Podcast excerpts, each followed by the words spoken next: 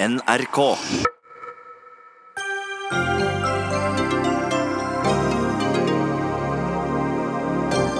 Familien på fire ble sendt ut av landet mens moren var bevisstløs.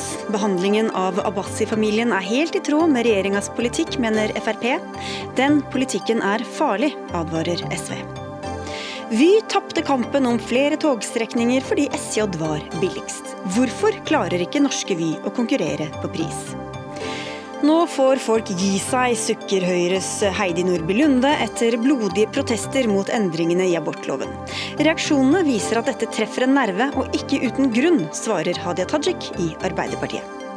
Og Grønn Ungdom vil ha kvotesystem for flyreiser, maks to reiser i året for hver enkelt. Det mener AUF blir urettferdig.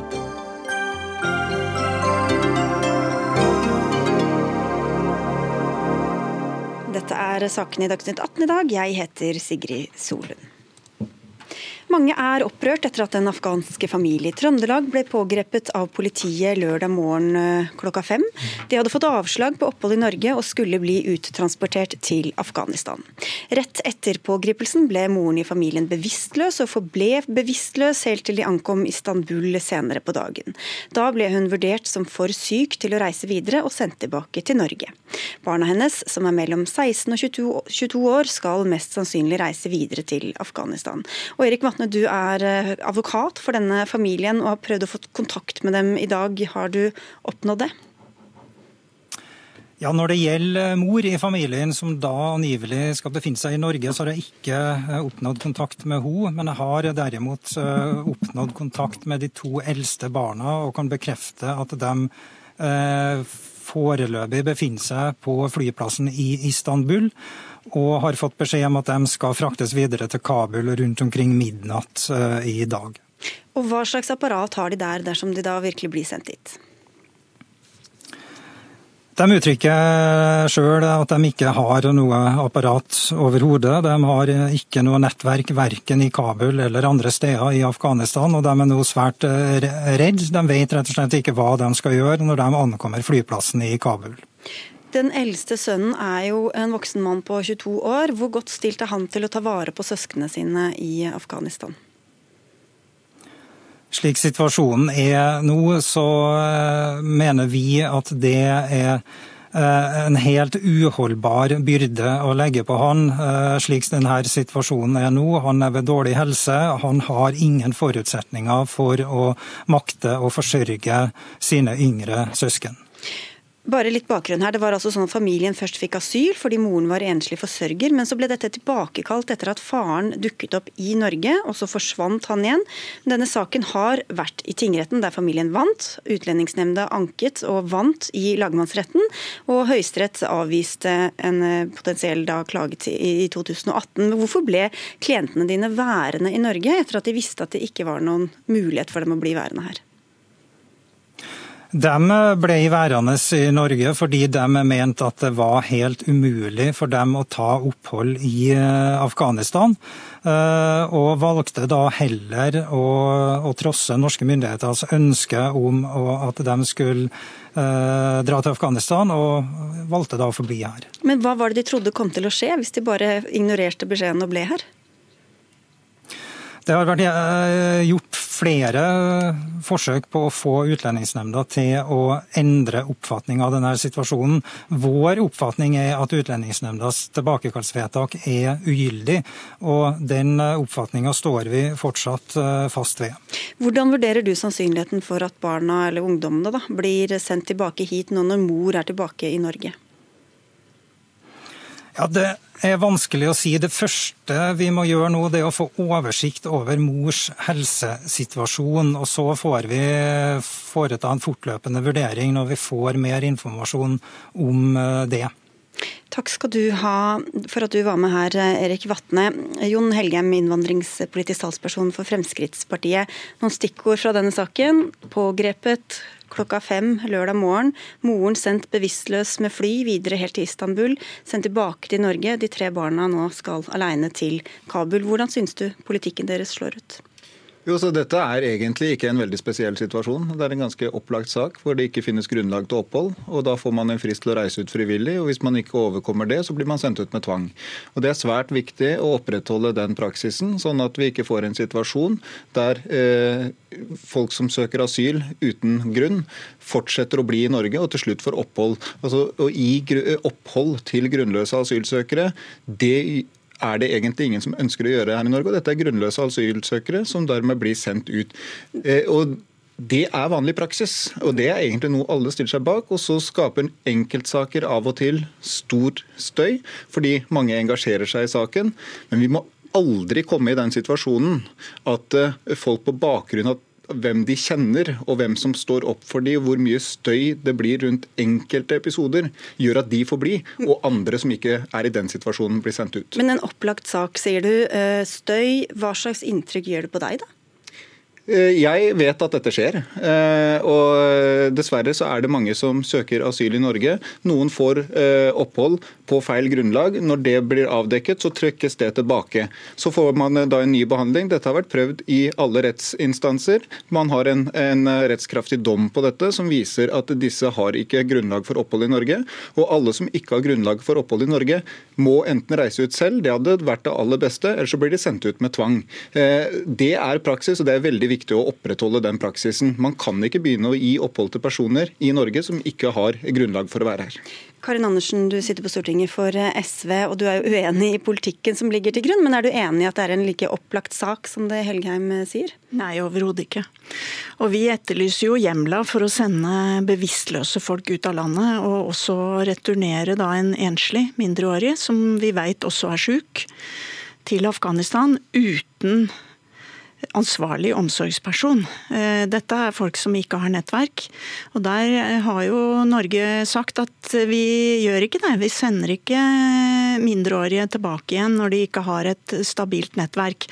Og det å pålegge det til søsken det har ikke jeg klart å finne noen hjemmel for i dag. og Det som er viktig å huske er at denne broren var jo et spedbarn når han var i Afghanistan sist. Er, de, har, de, har, rett og slett ikke vært der. De, de kan eh, ingenting eh, om det. Og det er jo også sånn at denne familien vant eh, saken i tingretten, så så veldig opplagt er den ikke. I tillegg til det så står det jo i avgjørelsen at uh, ut fra barnefaglige vurderinger og humanitære forhold, så er det grunnlag for opphold i denne saken.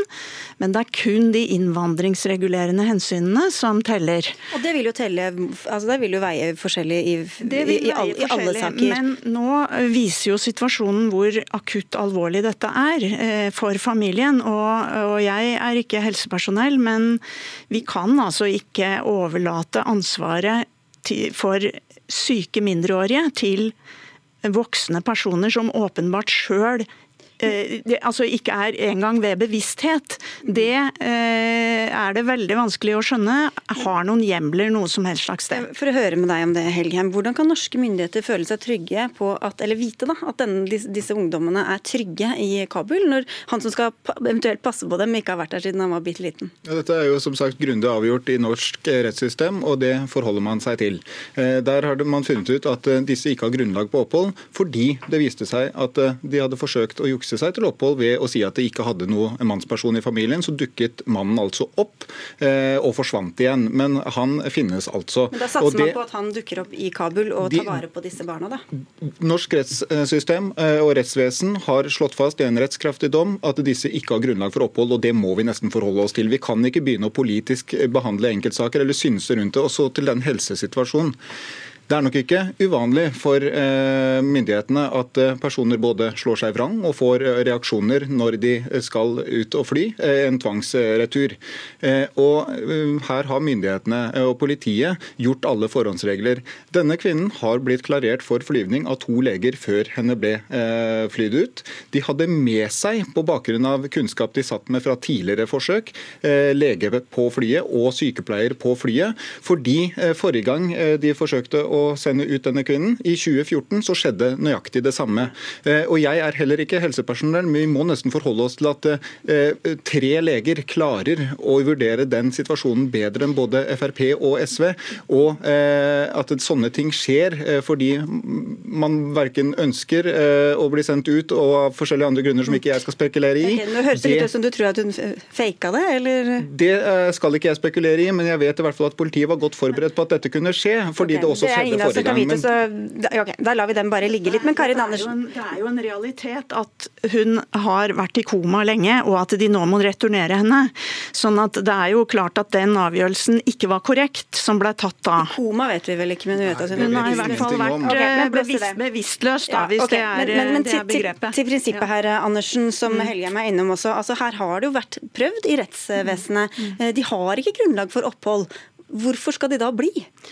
Nei, altså Det er jo nå vurderinger knytta til spesielt dette yngste barnet, som da ikke er frisk. Og de vurderingene Men det har jo vært prøvd? De som, sier jo at det er ikke grunnlag for at jo, det skal bli. Jo, men det er en stund siden det blei prøvd.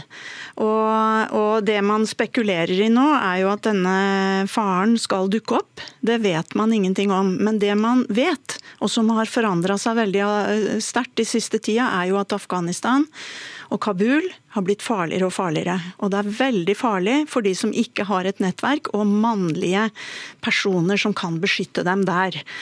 Og det har jo ikke denne familien. Det, og det er vel det som gjør også at mor kanskje mister både bevisstheten og, og alt, fordi hun vet hvor farlig dette er, og at hun er aleine. Men skal da, vi ikke forholde oss til det systemet vi har, sånn at når jo, de får prøvd men, alle de ankemulighetene og ikke, og ikke kommer da, Men nå sier jo også advokaten at her uh, har de lagt inn flere omgjøringsbegjæringer, så, og det skjer jo av og til. Og her er det jo også spørsmål om alle de innstrammingene som er gjort i Norge Norge, bl.a. fjerning av rimelighetsvilkåret, de sikkerhetsvurderingene som gjøres.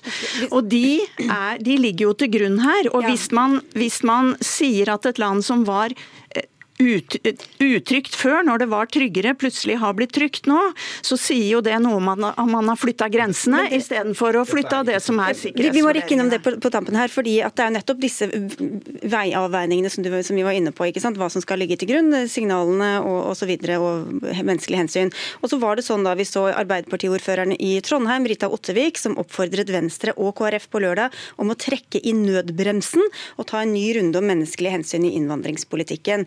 Denne oppfordringen tok partileder i Venstre Trine Skei Grande med seg inn i landsstyremøtet i Venstre i helga. Hvis Arbeiderpartiet er klare, så er vi klare til å se på denne politikken, sa hun da. Og vi har prøvd i dag å få noen fra Arbeiderpartiet til å komme hit. Ingen av stortingsrepresentantene kunne eller ville, og dermed ville heller ikke Venstre komme hit. Men dere er positive til nye asylforhandlinger i Stortinget, Helgheim. Hva håper du kan bli resultatet av et sånt nyheter. Vi husker jo forrige runde, som ikke var veldig fort gjort i import. Nei, Det er ikke noe nytt at Arbeiderpartiet ikke stiller opp i innvandringsrelaterte debatter. Eh, for det er debatter de ikke ønsker å ta. Men eh, vi har sagt at hvis noen ønsker å eh, diskutere asyl på nytt, så er vi klar for det. Det finnes rom for nye innstramminger. Det er mye som burde vært gjort i den sammenhengen. Men du vet at det er ikke derfor Venstre ønsker å gå inn i de forhandlingene? Nei, det, er, det, er, det, er det som har vært mitt svar. At mm. Hvis noen ønsker å diskutere det, så skal vi aldri avslå det. Men det er helt uaktuelt med liberalisering innstramminger, men vi har flere forslag til nye innstramminger som er på sin plass i asylpolitikken. Eh, fordi eh, sånne saker som dette viser at vi har et behov for å sende ut personer på et tidligere tidspunkt. Her har myndighetene forsøkt å eh, vise enkelte hensyn som bare fører til at uttransportering blir mer problematisk. Sånn at Noen sånne forbedringer kunne man gjort, men det er ikke aktuelt å myke opp i asylpolitikken på bakgrunn av enkeltsaker. Og det er helt uaktuelt å omgjøre enkeltsaker på bakgrunn av et engasjement som vekkes på den måten. For det vil være grovt urettferdig overfor alle som andre som ikke har mektige venner eh, i nærmiljøet. Ja, Karin Andersen, dere sto jo utenfor ved siste asylforlik. Hva tror du at kan komme ut av noen nye forhandlinger i Stortinget? Jeg håper jo nå at eh, både krefter i Arbeiderpartiet og at Venstre og KrF eh, virkelig mener det de sier. For jeg tror nok at det er grunnlag for eh, en noe altså mer rettssikker politikk enn det vi har i dag. Og ikke minst at vi forholder oss til de konvensjonsforpliktelsene vi har. Og da er jo dette som jeg nevnte i stad, rimelighetsvilkåret viktig. For når det blei stramma inn i Stortinget, så var FN på høring i komiteen og sa at hvis dere fjerner dette vilkåret, så bryter dere forpliktelsene deres. Og det er grunnlaget for at mange av disse familiene, og også enslige, nå blir sendt tilbake igjen.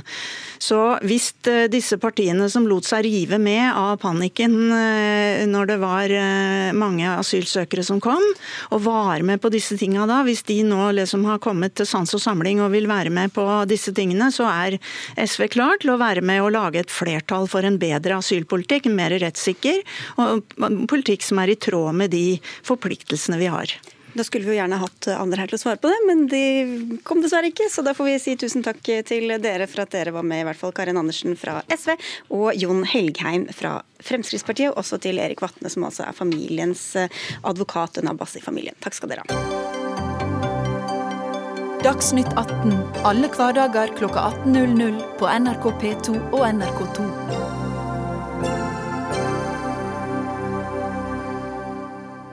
I dag ble det altså klart at svenske SJ, tidligere Statens Jernveger, skal drifte togene på Dovrebanen, Rørosbanen, Raumabanen, Nordlandsbanen, Trønderbanen og Meråkerbanen fra 2020. SJ vant Jernbaneverkets anbudskonkurranse om Trafikkpakke Nord, som det heter. Norske Vy, tidligere NSB, må fortsatt minne om det, tapte konkurransen fordi de var for dyre. Kirsti Slottsvik, du er jernbanedirektør. Hva var det avgjørende i denne avveininga som endte opp med at SJ da stakk av med seieren? Altså når vi i Jernbanedirektoratet eh, hadde oss Ja, det gjorde, oh, det gjorde hadde gjennomgangen, og det har jo vært flere runder med forhandlinger her. Så det som Vi ser, vi har fått to knakende gode tilbud på kvalitet, og de er veldig like. Vi måtte ned på andre desimal for å se forskjell på dem når vi poengsatte det. Eh, og Det som til slutt da ble utslagsgivende, var forskjellen på prisen. Der det svenske SJ eh, slo det.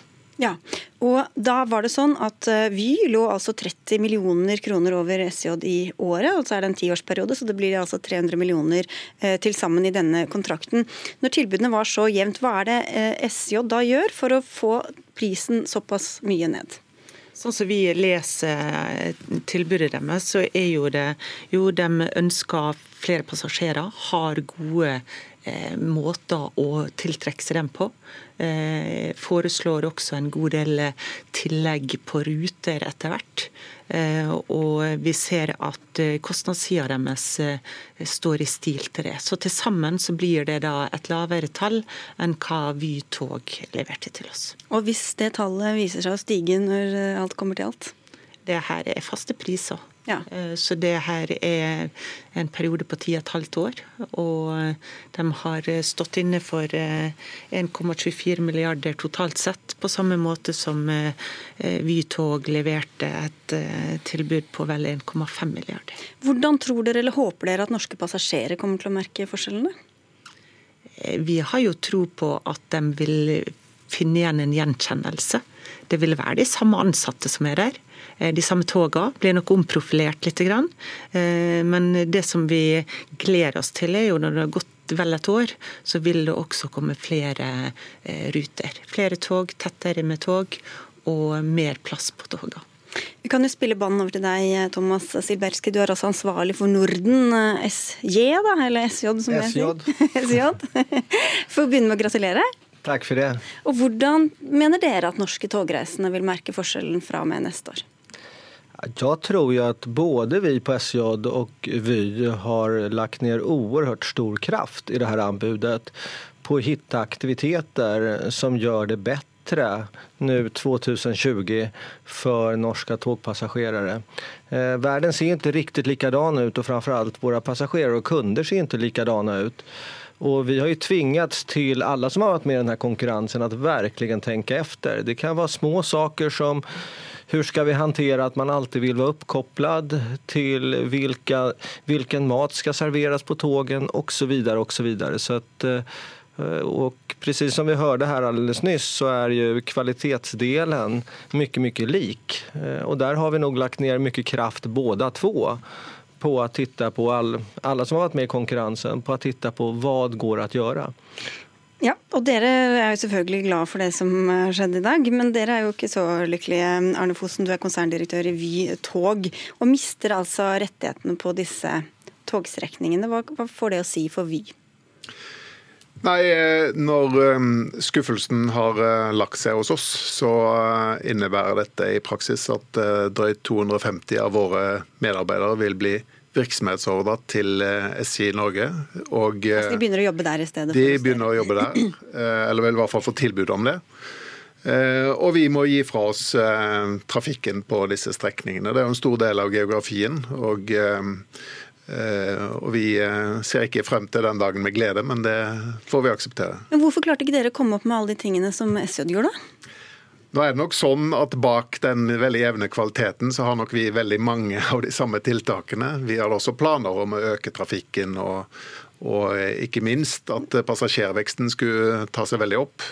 Eh, men på slutten av dagen så utgjør vel eh, forskjellen som vi har fått oppgitt nå, omtrent 3 eh, av den samlede omsetningen på pakken i året.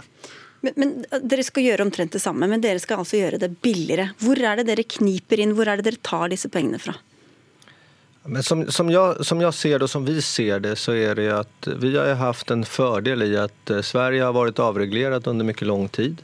Vi har arbeidet i en konkurranseutsatt marked. og Eh, det är ju så att konkurrens gör dig bättre. Konkurrens gör att du tar i lite mer, du tränar lite mer och det gör också att vi, vi är idag ett högeffektivt tågbolag.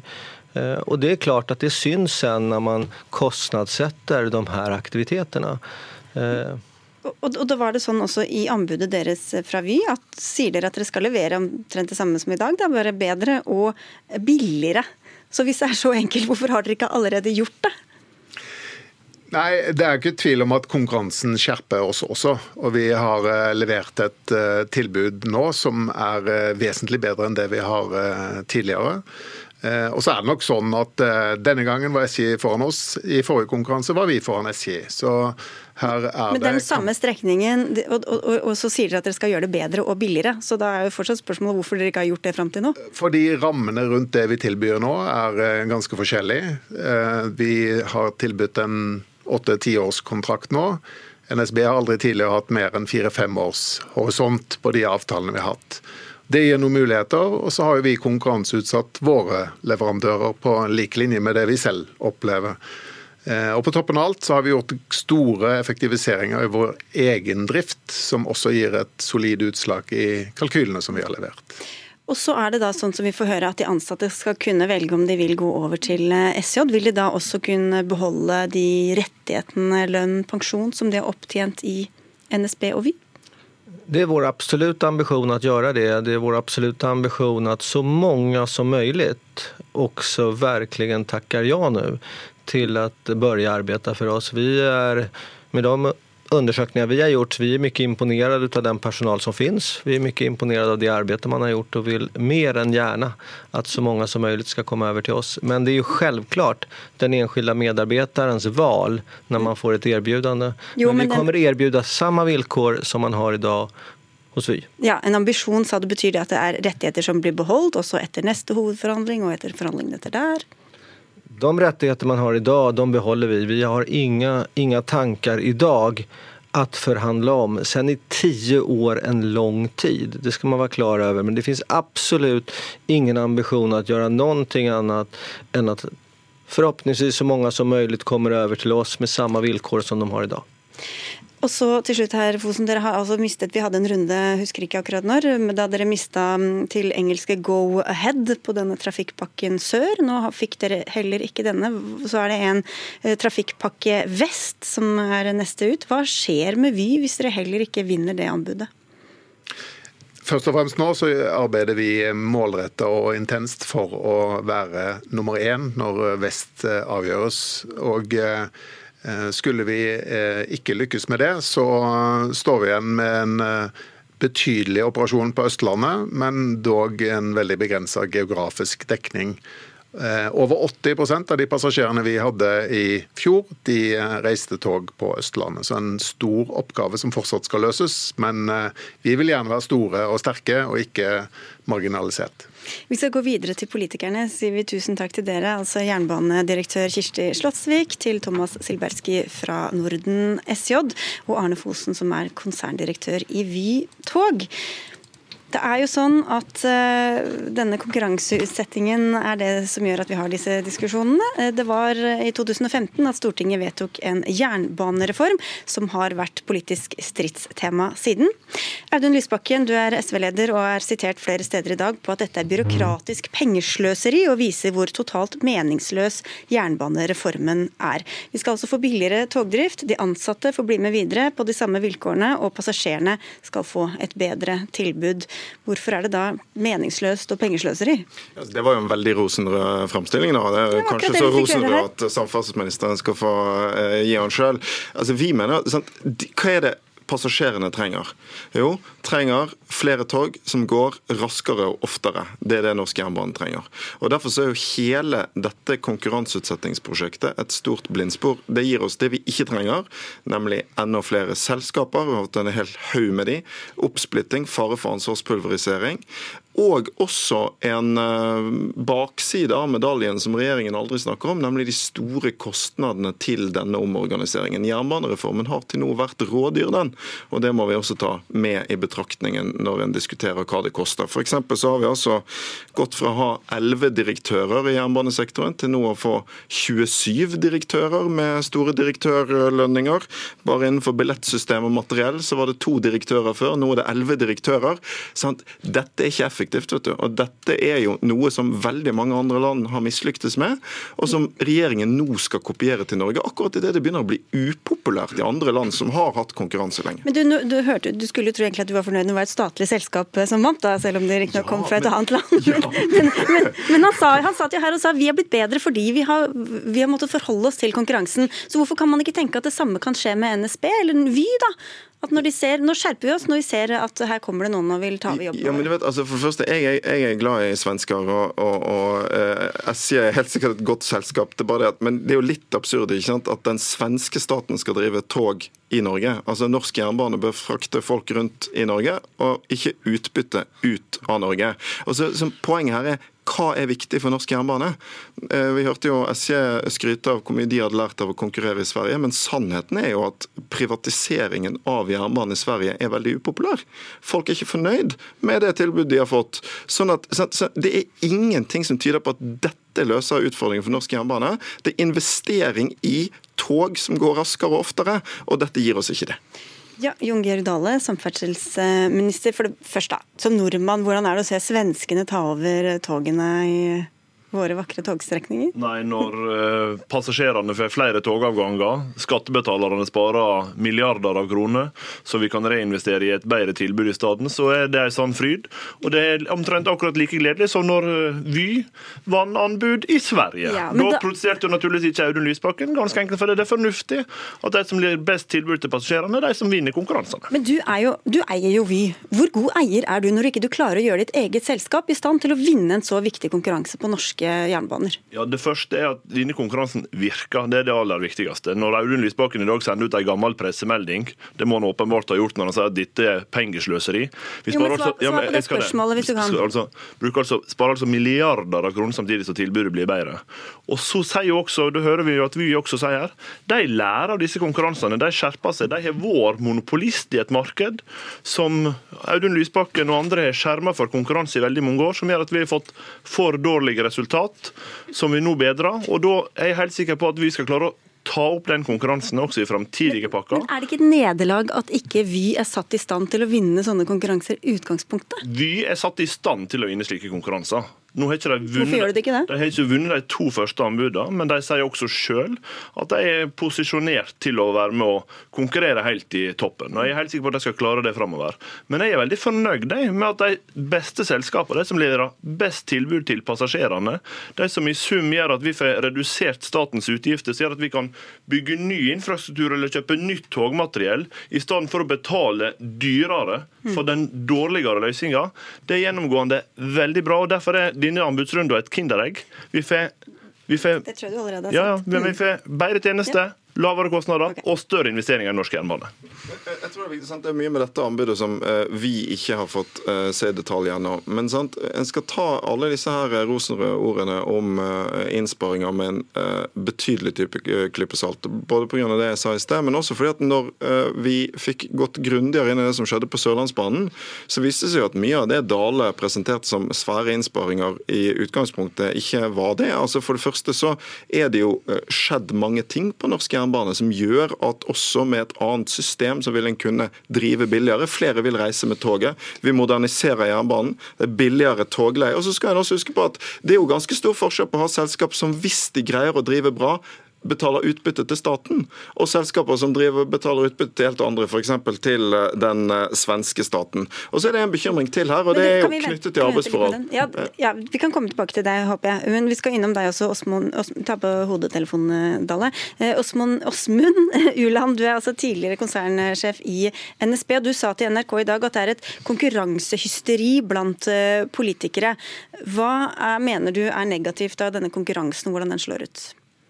Altså, Konkurranse det, det er sunt, og kan en spare penger, så, så man gjør det. Men, men hvis en virkelig er opptatt av å gi de reisende et bedre tilbud, så må en bygge doble spor, sånn at en har kapasitet. Og det må være like selvfølgelig å bygge nye dobbeltspor som å bygge firefelts motorvei. Og Den store konkurransen må jo være at det er toget som skal vinne over bilen. Jeg savner folk i regjering og storting som tør å si det toget må vinne over bilen. Sånn er det med Flytoget, sånn er det med Gardermobanen.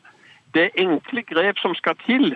Men når jeg kaller dette konkurransehysteri, så syns jeg at fokus burde vært mye sterkere på å bygge ut infrastruktur, sånn at folk kan velge hvor de skal bo, avlaste hovedstaden, utvikle regionene rundt på Østlandet. Der har vi mye å lære av Sverige og Danmark. Og, det gleder meg at ministeren sier at innsparingene skal gå til det. Men vi har holdt på i 30 år å diskutere en jernbane til, til Göteborg for to timer. Og nå skal den slynge seg nedom Fredrikstad. Så veisystemet, firefelts motorvei, går i rett linje.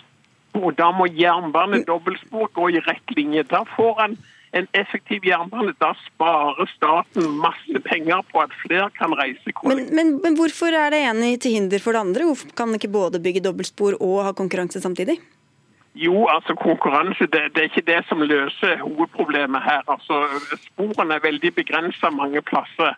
Og det er jo På Østlandet her hvor det bor masse mennesker, så er det jo doble spor som virkelig kan få opp mm. frekvensen og ned reisetiden hvis du skulle bo i Sarpsborg og, jobbe i Oslo altså En reisetid på 35 minutter er veldig attraktivt. Altså Du kan fjerne mye biler fra veien med å lage en, en flytogstandard over hele Østlandet.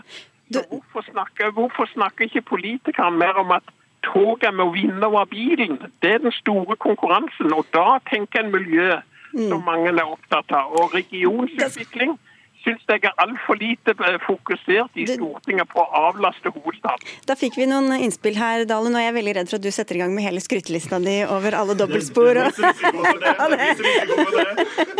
Men er det så, altså, hvorfor heller ikke bare satse på at liksom, vi skal bygge ut, i stedet for å holde på med disse konkurransene som tar opp, ifølge Lysbakken, masse penger og også masse energi? Ja, Punkt én, Lysbakken tar feil, men punkt to, vi gjør jo begge deler nå. Altså Når, når de nå vinner anbudet, ja, så setter de f.eks. opp fra tre til fem daglige avganger mellom Oslo og Trondheim. Det betyr at selv om ikke kapasiteten er fullt utbygd i dag, så klarer du å få utnytte den kapasiteten vi allerede har, bedre. Det gir større og bedre tjenester til, til de som eh, velger å reise med tog, gjør toget til en mer attraktiv tjeneste. Og så Samtidig bygger vi ut infrastruktur. Altså Jernbaneinvesteringene har de siste, åtte, eh, siste seks åra gått opp med 80 det er 100 flere daglige togavganger inn og ut av Oslo. Det er 15 millioner flere passasjerer på norske tog nå enn i 2013. og Det viser jo at vi klarer begge deler. Men en av grunnene til at vi klarer begge deler, er fordi vi ikke velger Audun Lysbakken sin modell og betaler mye for et dårlig tilbud, i stedet for å betale vesentlig mindre for et vesentlig bedre tilbud. Og Det er jo det som gjør at vi også får penger til å reinvestere i norsk jernbane og gjøre den mer konkurransedyktig. Det er veldig vanskelig å få grep om hva dette egentlig koster, om det lønner seg eller ikke, fordi alle opererer med veldig forskjellige tall her. Eh, så det er, men det, dette, er jo ikke, dette er jo ikke så vanskelig å finne ut av. Ja, snakker om jernbanedirektører og lønninger og Men i dag koster det rett i overkant av 700 millioner kroner per år å operere de strekningene som går ut på anbud.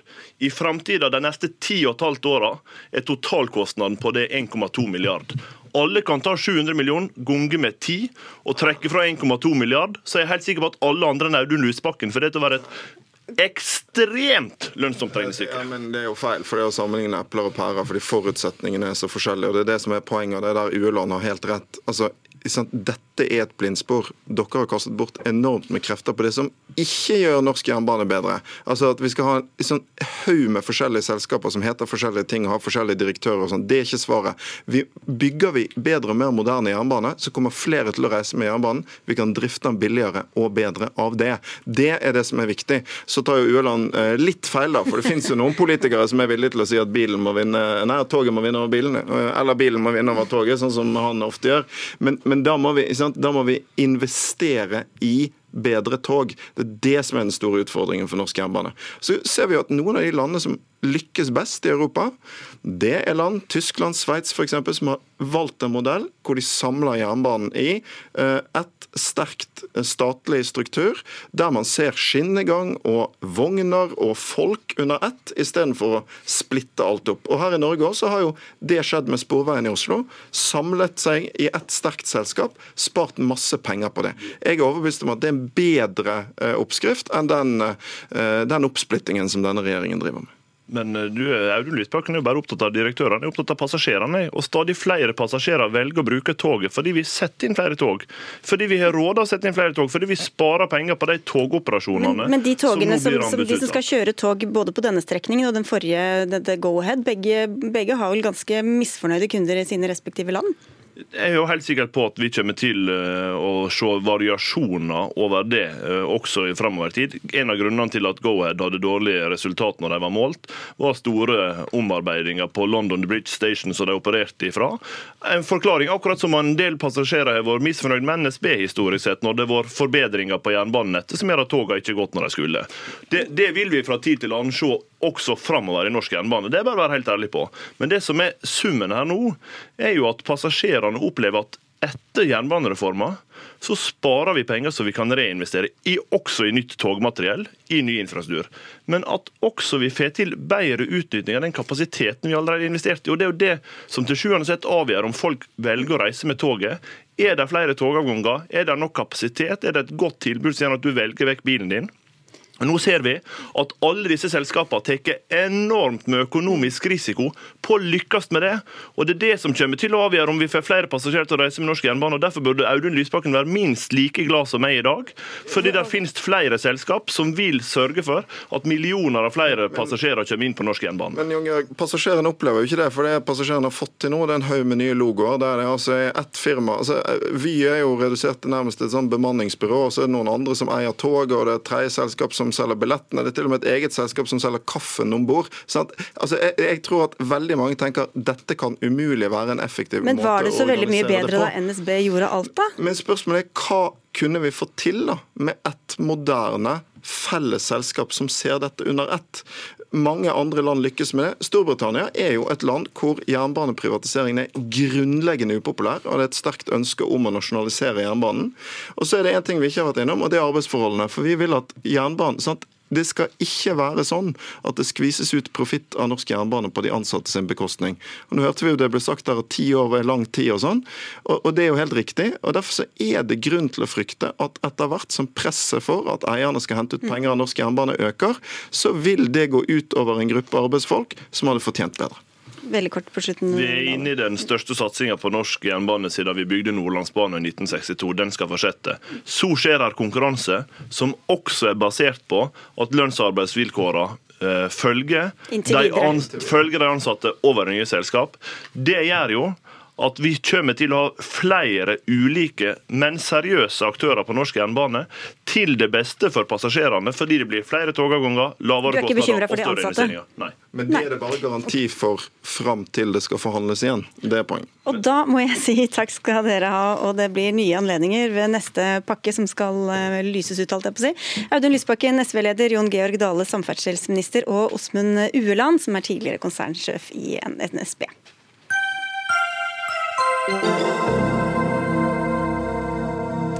Snart får vi Hadia Tajik og Heidi Nordby Lunde på plass for å diskutere abortlovendringer og som, strikkepinner som protestmidler. Men før det skal vi fra togskinnene og opp i lufta.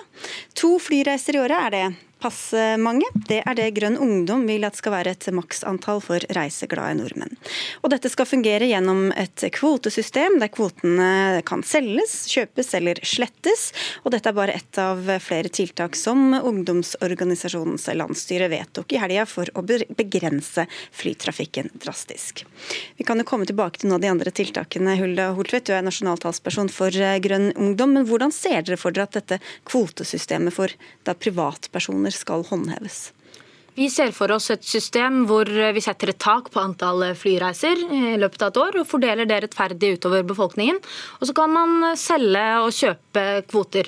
Så hvis jeg f.eks. har lyst til å selge kvotene mine til Røkke, som sikkert flyr mer enn meg, så kan jeg gjøre det. Og jeg kan sikkert selge dem dyrt også.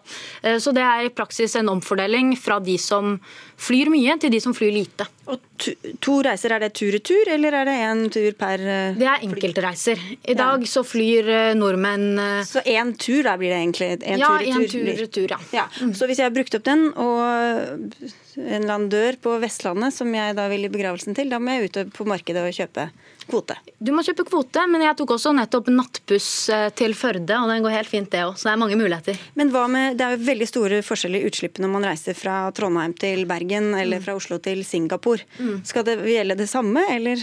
Nei, Vi er åpne for å differensiere på avstand, men det har vi ikke sett detaljert på. En ting som er viktig å ha med seg, er jo også at det er de korte reisene som ofte er lettest å erstatte. Eh, strekningene Oslo-Trondheim, Oslo-Bergen og Oslo-Stavanger er blant Europas 16 mest trafikkerte strekninger. og Der finnes det andre alternativer, så det er på en måte den mest lavthengende frukten. Og Bakgrunnen er selvfølgelig at det er veldig store klimagassutslipp fra flytrafikken. og Det er jo dere også bekymra for. Eh, Ina Libak, du er leder i AUF, men likevel ikke så begeistra for dette forslaget. Hvorfor ikke det? Nei, likevel ikke så begeistra, men eh, creds til Grønn Ungdom som løfter noe som går på flytrafikk. For det trenger vi å diskutere mer, og vi trenger å se på ting som får ned flytrafikken. Eh, men jeg er bekymra for at dette skaper forskjeller både mellom folk, og særlig kanskje mellom by og land. Fordi landet vårt ser jo ikke likt ut, og man har behov for fly noen steder. Eh, og det vil også være en urettferdighet i det. Du brukte jo eksempel med begravelse, begravelse programleder. Og for å ta et annet eksempel, da, så vil jo også en tur til Gran Canaria, eksempel, som noen unner seg i ny og ne, vil jo være veldig forskjell på om du bor da i sentrale østlandsområdet og kan dra eh, rett ut til Gardermoen og så dra til Gran Canaria, eller om du har brukt opp egentlig eh, alle reisene dine bare på vei ned til Oslo. Eh, så jeg tenker at dette er et, et forslag som er ganske vanskelig fordi Norge ser forskjellig ut. Og så tenker jeg også at ja, flytrafikk står for utrolig store utslipp, men det står ikke for alle utslipp. Så det er jo også noe med at man tar tak i den ene sektoren, men man ser jo ikke hele bildet på utslipp, som jeg er litt opptatt av. Hva med alle de andre tingene, hva du forbruker? Skal man ha kvoter på absolutt alt man gjør i hverdagslivet. Jeg ser at det kan bli litt vanskelig. Her var det to ting. Du kan jo begynne med, med, det første, nemlig den urettferdigheten. Altså Hvis du bor i Lofoten, så har du litt annen tilgang til, til transportmidler enn hvis du bor på Grünerløkka. Ja, og Vi eh, vil gi visse unntak til folk som bor i områder hvor man er helt avhengig av fly. Eh, men vi må også erkjenne at klimaendringene gir ikke unntak, og vi må alle fly mindre hvis vi skal klare å stanse klimaendringene. Eh, så det, det må vi. Også for å ta den sosiale profilen, eh, så er jo på en måte alternativet her, hvis du skal drastisk redusere flytrafikken fram mot 2030, det er å ha veldig høye avgifter. Det er i hvert fall usosialt, fordi da starter du ikke engang likt med Røkke. Og Det er også litt av bakgrunnen for at vi har foreslått et kvotesystem istedenfor bare en flyseteavgift på mange tusen kroner. At det har en litt mer mer sosial profil. Ja, dere har jo en seteavgift på 600 kroner, da, så litt smeller ja, dere jo til. Vi kliner til litt, altså, men det må vi. Og så for å ta, ja, altså, Vi må selvfølgelig kutte utslipp i alle sektorer. Faktisk skal vi ikke bare kutte utslipp, vi må slutte med utslipp. Og Grønn Ungdom og Miljøpartiet De Grønne har jo veldig mye radikal for politikk for hvordan vi kan gjøre det i oljesektoren f.eks., og også i matpolitikken og på mange områder. Men fly står altså for 12,5% av Norges klimagassutslipp, hvis vi regner med både tilleggseffekten i høyt luftlag og utenriksreiser. Men jeg skjønner jo at dere ikke har liksom meislet ut et helt ferdig forslag, men sånn som Norge ser ut, så vil jo veldig mange bli inkludert i disse unntaks... Altså Hvis ikke det skal finnes tog, f.eks., da vil jo halve Norge nærmest få, få unntak fra denne kvoteregelen, da. Ja, eller få litt flere kvoter, da, f.eks. Men de mest trafikkerte strekningene er jo mellom de store byene i Sør-Norge, hvor det både fins alternativer og er mulig å bygge ut flere alternativer. I dag så er det åtte timer mellom Stavanger og Oslo, og det kunne vært tre timer. på en måte. Så det er veldig mye potensial også for å klutte kutte unødvendige flyreiser i Sør-Norge. Og så er det en kjensgjerning at vi kan ikke fortsette å bruke fly som buss. Og vi, både Ina og jeg vil jo bli hardt rammet av en sånn kvoteordning. Vi flyr mye i jobbregi og må nok belage oss på å ta flere møter over Skype. Mm. Men hva vil dere gjøre for å redusere flytrafikken, da? Ja, Det er jo noe her jeg er enig i, og det er jo f.eks. at man må øke noen av avgiftene. Og så er jeg enig i at det kan være usosialt, men det som er så bra med avgifter, da, det er jo at man kan bruke det på ting som kommer alle til gode. Eh, og Hvis det er én ting jeg tenker at vi må gjøre mye, så er det å bygge ut et alternativ. Og Der tror jeg vi er ganske enige. Eh, og jeg tenker at sånn som det er nå, så hadde det vært veldig vanskelig å si til folk i Norge at man bare kan fly to reiser, også fordi alternativene er så dårlige. Eh, altså Det koster veldig mye å ta tog mellom de store byene. Altfor mye, syns jeg. For oss som er unge koster det mye, og, og vi kan liksom ikke belage oss på at folk tar toget for å være idealister. Eh, det er noe jeg mener veldig sterkt. at Det kan ikke være sånn at eh, idealismen til folk er det som skal redde oss. Eh, det er politikerne som må ta ansvar for at det finnes alternativer som folk kan bruke. Og så må vi, som Hulda også var inne på, da, bygge ut eh, tog mellom de store byene som går mye raskere enn i dag. Eh, og så må vi satse på elfly. Jeg er ikke blant de som tenker at det skal erstatte alt, og det er langt frem i tid. Men jeg tror at det kan erstatte noe av flytrafikken, så det er en annen ting vi må gjøre. og Der mener jeg at staten også kan ta et enda større ansvar enn det vi gjør i dag. Men bare for å se litt på noen av reaksjonene, du har sikkert fått mange direkte til deg også, men de som har vært i mediene i hvert fall. Totalitært og skremmende må komme fra et kommunistverksted i Grønn Ungdom. Det er bare noen av reaksjonene. Hvordan skal dere få med dere folk hvis, hvis de føler at liksom, det er så drastiske virkemidler dere kommer med? Vi har jo ganske mange positive reaksjoner også. da. Dagbladet var og intervjua folk på Gardermoen og spurte hva de syntes. Der var det flere som var på vei til å fly selv, som mente at eh, to flyreiser i året det høres helt greit ut. Eh, men selvfølgelig, altså radikal klimapolitikk, når den blir foreslått for første gang, blir jo ledd av. Altså Da vi kom inn på Stortinget i 2013 og Miljøpartiet De Grønne da, eh, foreslo å legge ned oljenæringa, så ble jo det også ledd av. Og nå, noen år senere så fremstår det ikke lenger så veldig radikalt. Og vi må kutte utslippene fra flytrafikken, og vi må gjøre det før elfly er på plass. De mest optimistiske anslagene de anslår at hele flyflåten i Nord-Norge kan være elektrisk innen 2030. Det er jo kjempebra. Vår kvote- og avgiftspolitikk skal ikke gjelde elfly. Problemet er jo at vi har elleve år på oss og må ta de store utslippskuttene nå. Men hvis vi skal få folk med på de store utslippskuttene vi skal gjøre de neste elleve årene, og der er jeg enig, det kommer til å kreve utrolig mye oss, men jeg tenker at da er det også veldig viktig at det ikke er så inngripende at vi ikke får folk med, at det blir en så massiv motstand at vi ikke får gjennomført de store tingene vi trenger å gjøre. Og her tenker jeg at dette forslaget er sånn, det er for inngripende, og samtidig så har man heller ikke gode nok alternativer til at man kan forsvare at man gjør det heller. Jeg tenker at Det viktigste vi må gjøre nå fremover, det er å bygge ut tog, og at vi, særlig vi som er unge, da, vi må legge masse press på det at vi faktisk får bygd ut høyhastighetstog mellom de store byene. Og så er det ikke nødvendigvis bare geografi som gjør at du må reise ofte. Kanskje du har barn i en helt annen landsdel. At det vil slå ut veldig ulikt avhengig av den private situasjonen din også. Hvordan kan det løses? Ja, jeg skulle ønske at vi bare kunne fly så mye vi vil, men grunnen til at vi er i den krisesituasjonen vi er i nå, om å iverksette krisetiltak, er jo at partier som Arbeiderpartiet dessverre i alle år har satt andre hensyn, enten det er økonomi eller distriktshensyn eller andre hensyn, foran klima. Det er derfor vi er her vi er i dag. Og vi, ja, vi skal få folk med, men først og fremst skal vi få utslippene ned. Og det er derfor vi har fremmet dette forslaget. Men all miljøpolitikk er ikke god miljøpolitikk, og vi er nødt til å diskutere tiltakene. Og vi kan ikke ha miljøpolitikk som skaper forskjeller mellom by og land og som skaper forskjeller mellom mennesker. Vi er nødt for å kunne forsvare for de som bor i distriktene også, at de skal være med inn i det grønne skiftet. De skal få noen goder ut av det, de skal ikke bare straffes. De kan kjøpe kvoter? Ja, ja, og så er jo Vi også ønsker å få elfly raskt på plass, vil bygge ut kollektivtransport i hele landet, vil kutte prisene på kollektivtransport i hele landet. Så jeg tror vi er enige i at eh, hele landet må være med på klimadugnaden, men det skal også lønne seg for eh, alle. Og så er vi uenige om dette virkemidlet. Jeg tror at det er politikk av dette kaliberet vi trenger hvis vi skal ha nubbesjans til å stanse klimakrisen. Og det er her debatten må være. Og så om virkemidlet vi bruker for å få til en kraftig reduksjon i flytrafikken, om det er liksom kvotesystem eller veldig, veldig høye avgifter, det er på en måte underordnet. Men flytrafikken må ned. Dere, da fikk vi i hvert fall starta debatten her. Takk skal dere ha begge to. Hulda Holtvedt fra Grønn Ungdom og Ina Libak, som altså er eh, fra AUF. Takk skal dere ha begge to. Hør Dagsnytt 18 når du vil. Radio NRK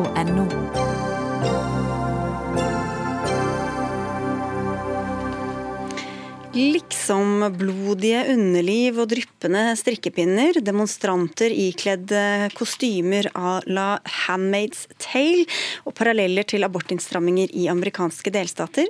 Har protestene mot innstrammingene i abortloven gått helt av skaftet? Nå må folk gi seg, sier du Heidi Nordby Lunde. Du sitter på Stortinget for Høyre og skulle også egentlig sittet i en stol her i dette studio, men du er eh, litt stressa på vei eh, inn hit til Marienlyst. Du stemte altså for at kvinner som vil fjerne ett av flere fostre, må gjennom nemndbehandling uansett. Hvorfor mener du at de reaksjonene vi har sett, ikke står i stil til det dere har vedtatt? Fordi det å regulere tvillingabort ikke er det samme som å innføre et fascistisk kvinneundertrykkende regime. Eh, som da disse handmade-kostymene eh, synliggjør, eller prøver å synliggjøre. Og det er heller ikke å innføre strikkepinneabort. Så retten til selvbestemmelse, slik loven var vedtatt i 1978, står fast. Og vi har nå med KrF i regjering en mer liberal lov på dette enn det f.eks. Danmark har. Så det er overdrevent, altså, sier du. Hvordan mener du da at Arbeiderpartiet har bidratt til en sånn forståelse av disse endringene? Vel, De kommer jo og holder appeller på de samme demonstrasjonene hvor da eh, blodige truser og strikkepinner blir vist, og støtter opp under argumentasjonen som de som går i handmade kostymer uh, har. Og de legger jo også opp til at dette her er et uh, angrep på kvinners uh, sentrale rettigheter. Og, men da har jeg lyst til å si også at hvis dette var en historisk innstramming av abortloven, så er det regjeringen gjorde i 2016 da eh, loven ble utvidet, eller forståelse av den, også vært en historisk utvidelse uten politisk debatt og uten vedtak i Stortinget. Du, Vi skal sette over til deg, Hadia Tajik, og nå må du løpe opp trappa eller hvor du er, eh, Heidi Nordby Lunde. Nestleder i Arbeiderpartiet, Hadia Tajik. Blodige strikkepinner og sånne kostymer, er det mm, på sin plass? Altså, Nå eh, virker det som Høyre er mer opptatt av hvordan folk reagerer, enn at de faktisk reagerer. Og Jeg har ikke tenkt å være noe sånn ytringspoliti i denne debatten. her. Eh, det er veldig mange som er sinte, opprørte, regelrett forbanna og har behov for å gi uttrykk for det. Eh, og det virker som Nordby Lunde mener at det, altså de reaksjonene som man har sett, at det er et uttrykk for at man egentlig ikke har forstått hva høyreregjeringa nå har gjort av en innstramming i abortloven. Men jeg tror at folk har forstått. Det er derfor de reagerer såpass sterkt som de gjør. De ser at realiteten i denne abortinnstrammingen som nå har blitt vedtatt, det er at flere kvinner enn før er nødt til å møte i nemnd. Og det er i realiteten den første eh, innstrammingen i den norske abortloven sånn som vi kjenner den i dag. Ja, det må du vel være enig i, Nordby Lunde, at det er en innstramming som du til og med selv var imot i utgangspunktet? Det var i så fall en innstramming tilbake til lovforståelsen av den gang Arbeiderpartiet satt i regjering. For det var jo mens Arbeiderpartiet sjøl hadde helseministeren, hvor Helsedepartementet ble bedt om en avklaring på hvordan loven skulle tolkes. Og Det betød at eh, de satt i tre år i regjering uten å gjøre noe med dette. Nå legger Eirin Nørve Lunde på utenfor her, ja. Velkommen inn. Sikkert varm og god. Um, ja, Hadia Tajik, det, det, som ble sagt her, altså, dette er jo et litt sånn komplisert eh, tema, men det var jo en, en, en eh, praksis som gikk foran egentlig en, en definisjon av lovforståelsen, uh, og dermed kan kalles mer kanskje en, presisering enn en innstramming? Nei, det vil jeg ikke påstå. Snarere tvert imot så er jeg her enig med partifellen til Heidi Nordby Lunde, altså Bent Høie, for han slo fast altså i 2017 at eh, det faktisk var Stortinget i 1975 som eh, vedtok en lov som åpna for fosterreduksjon i Norge. Så allerede fra 1975 så hadde vi altså en lov som i sin ordlyd og med sitt formål sikra at norske damer hadde selvbestemmelse innenfor eh, uke tolv, enten de hadde ett foster eller flere foster i magen. Altså, men litt tilbake til utgangspunktet her, når vi har fått det på plass. Heidi Nubelunde. Tror ikke du at de kvinnene som protesterer enten med det ene eller andre virkemidlet, at de har satt seg ordentlig inn i saken og skjønner hva det er de protesterer mot? Jeg tror at de helt åpenbart er, er opptatt av saken, og det er jeg veldig glad for. For jeg er enig i at abortsaken er viktig, og at kvinners selvbestemmelsesrett skal stå urørt. Det det er, er at da denne loven ble vedtatt på 70-tallet Du sier det er fint at de er opptatt av det, men tror du ikke at de har skjønt hva det går ut på? Jeg tror ikke alle har skjønt det. fordi når den ene bloggeren eller Instagram-kjendisen sier at uh, jente, unge jenter gråter til henne i telefonen pga. innstramningene, så er jeg litt usikker på om de unge jentene gråter fordi at man ikke har lov til fosterreduksjon på friske foster i Norge, eller om det er fordi at de har et etterlatt inntrykk om at dette her er en alvorlig innstramming av kvinners eh, selvbestemmelsesrett, og det er det ikke. Men kan det være at de gråter fordi at, eh, hvis de gråter da, at, fordi at de faktisk ser at, at det som kvinnene før fikk bestemme, det får ikke kvinnen lenger bestemme selv, det må gjennom en nemnd? Den lovtolkningen som ligger til grunn for dagens abortlov med eh, det vedtaket vi gjorde på torsdag, er den samme forståelsen som var under Hadia Tajiks egen regjering. og Hvor eh, Gahr Støre var på talerstolen på torsdag under debatten og sa og berømmet eh, Høie for å ha bedt Lovavdelingen om en vurdering. Og så sa han det skulle også jeg gjerne ha gjort. Jeg tror jeg ville gjøre det, men han gjorde det ikke. Så dette har vært et lovtomt rom som vi har trengt å regulere. Men saken er i hvert fall den at de som før kunne bestemme selv, må nå gjennom en nemnd. I to år så har den lovreguleringen vært åpnet for, også abort på friske tvillingfostre. Nå i dag så må du gjennom en nemnd, slik som det er etter eh, tolvte uke. Når noe er uklart, så må man jo oppklare det. Jeg har ikke tenkt å kritisere Bent Høie for å ha søkt den oppklaringen fra Lovavdelingen. Og de slo da fast at eh, det var loven fra 1975 som åpna for at kvinner sjøl selvfølgelig bestemmer om man skal redusere antall fostre innenfor uke tolv. Men det går òg an å avklare den lovforståelsen ved at statsråden går opp en talerstol og gir uttrykk for hva lovforståelsen er for noe. Og Jonas Gahr Støre som helseminister var dønn tydelig på at eh, kvinners selvbestemmelse står sterkt sterkt.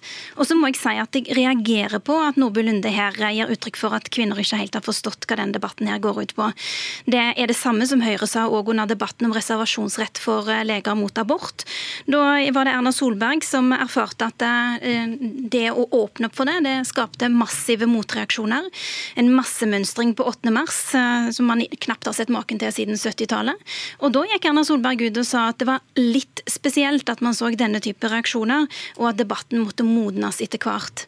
Nei, Høyre. Damene har forstått hva dette går ut på. Det er derfor de reagerer. Jeg skjønner godt at uh, Hadia Tajik, og jeg er glad for at hun også tar over reservasjonsretten, som også var en sak som Arbeiderpartiet satt med i sitt departement mens de styrte landet uten å gjøre noen ting med, hvilket deres nåværende justispolitiske talsperson sa at det var å svikte kvinnene. Vi fikk til den avklaringen med Bent Høie. Det som er nå, det er ingen tvil om at det var et hull i lovverket som trengtes å regulere, fordi Helsedepartementet måtte i 2001 avklare hvorvidt det var mulig uh, å få lov til å, fjerne, å, å um, Eh, gjennomføre inngrepet med fosterreduksjon etter tolvte uke for alvorlig syke fostre. og Da sa man ja til det. Man sa aldri ja til friske fostre. Men bare, jeg vil bare litt tilbake til dette her. altså Hva slags inntrykk som skapes, og om det er grunnlag for det, hvilke ord dere bruker også, uh, Hadia Tajik. Dette er jo et etisk vanskelig område. Det er sikkert uh, du eller andre i Arbeiderpartiet også enig i. Det gjelder veldig få. Er det da grunnlag for å skape de store reaksjonene som vi ser både hos dere og hos andre rundt omkring i i landet. Ja, dette er en vanskelig etisk avveining. Og nettopp derfor så mener vi at den må ligge hos den som er best kvalifisert til å fatte denne beslutningen, og det er kvinnen sjøl. Det er et veldig viktig prinsipielt spørsmål, og det er noe av grunnen til at jeg tror at denne debatten her har tatt de dimensjonene som det har. Og så er det jo òg dessverre et faktum at årsaken til at vi har denne debatten, er at Erna Solberg mente at det var så viktig å sitte i posisjon og fortsatt ha makt, være i regjering, at hun var villig til å forhandle om akkurat dette elementet om kvinners selvbestemmelse og rett til å bestemme over sin egen kropp. Det er årsaken til at vi har den debatten. Men den eneste logiske konsekvensen ut fra det du sier, er da at hvis det blir regjeringsskifte, så vil dere gå tilbake og endre på denne lovforståelsen? Ja, Arbeiderpartiet mener at det er loven fra 1975 som skal gjelde. Ja, så da vil dere altså... gjøre det tillatt igjen å, å ta, abortere bort også friske tvillingfostre? Altså ja, Arbeiderpartiet mener at det er loven fra 1975 uten denne innstrammingen som hadde vært riktig. Det er spennende, fordi Da Arbeiderpartiet ble bedt om å avklare dette i 2010, så gjorde Arbeiderpartiet altså ikke det selv på de tre årene de fortsatte å sitte i departementet. Og Vi så da endringen i eh, Justisdepartementets forståelse av loven kom i 2016. Noe av det første som skjedde, var at Arbeiderpartiets regjeringssamarbeider Senterpartiet la inn et lovforslag om totalforbud. I dag så har vi altså en eh, bedre regulert eh, lov enn det Senterpartiet ville ha hatt. Så man kan jo stille seg spørsmål hvorfor dere ikke avklarte den gang. Om det var det fordi at dere var redd for at dere måtte ut av regjeringslokalene fordi dere var uenige med deres egen regjeringspartner. Men når du sier at av, avgjørelsen skal ligge nærmest den som kjenner til det, så betyr jo fortsatt det at Arbeiderpartiet er for nemnder. Dere er ikke for å fjerne disse. Og Det betyr at dere også ønsker at det skal være en faglig og medisinsk vurdering av den situasjonen kvinnen er i. Fem sekunder da til slutt. Innenfor uke tolv er det kvinnen sjøl som må bestemme. Det har Arbeiderpartiet stått opp for hele veien. Det har Høyre derimot vært villig til å forhandle om. Nå har de innført denne innstrammingen. Det var det vi rakk på en litt eh, spennende teknisk løst eh, debatt. Takk skal dere ha begge to, eh, Hadia Tajik og Heidi Nordby Lunde. Dagsnytt 18 er over for denne gang. Det var Fredrik Lauritzen som hadde det faglige innholdet, får jeg si. Det var Marianne Myrhol som var teknisk ansvarlig. Og jeg heter Sigrid Solund, og vi ønsker alle en fin kveld videre.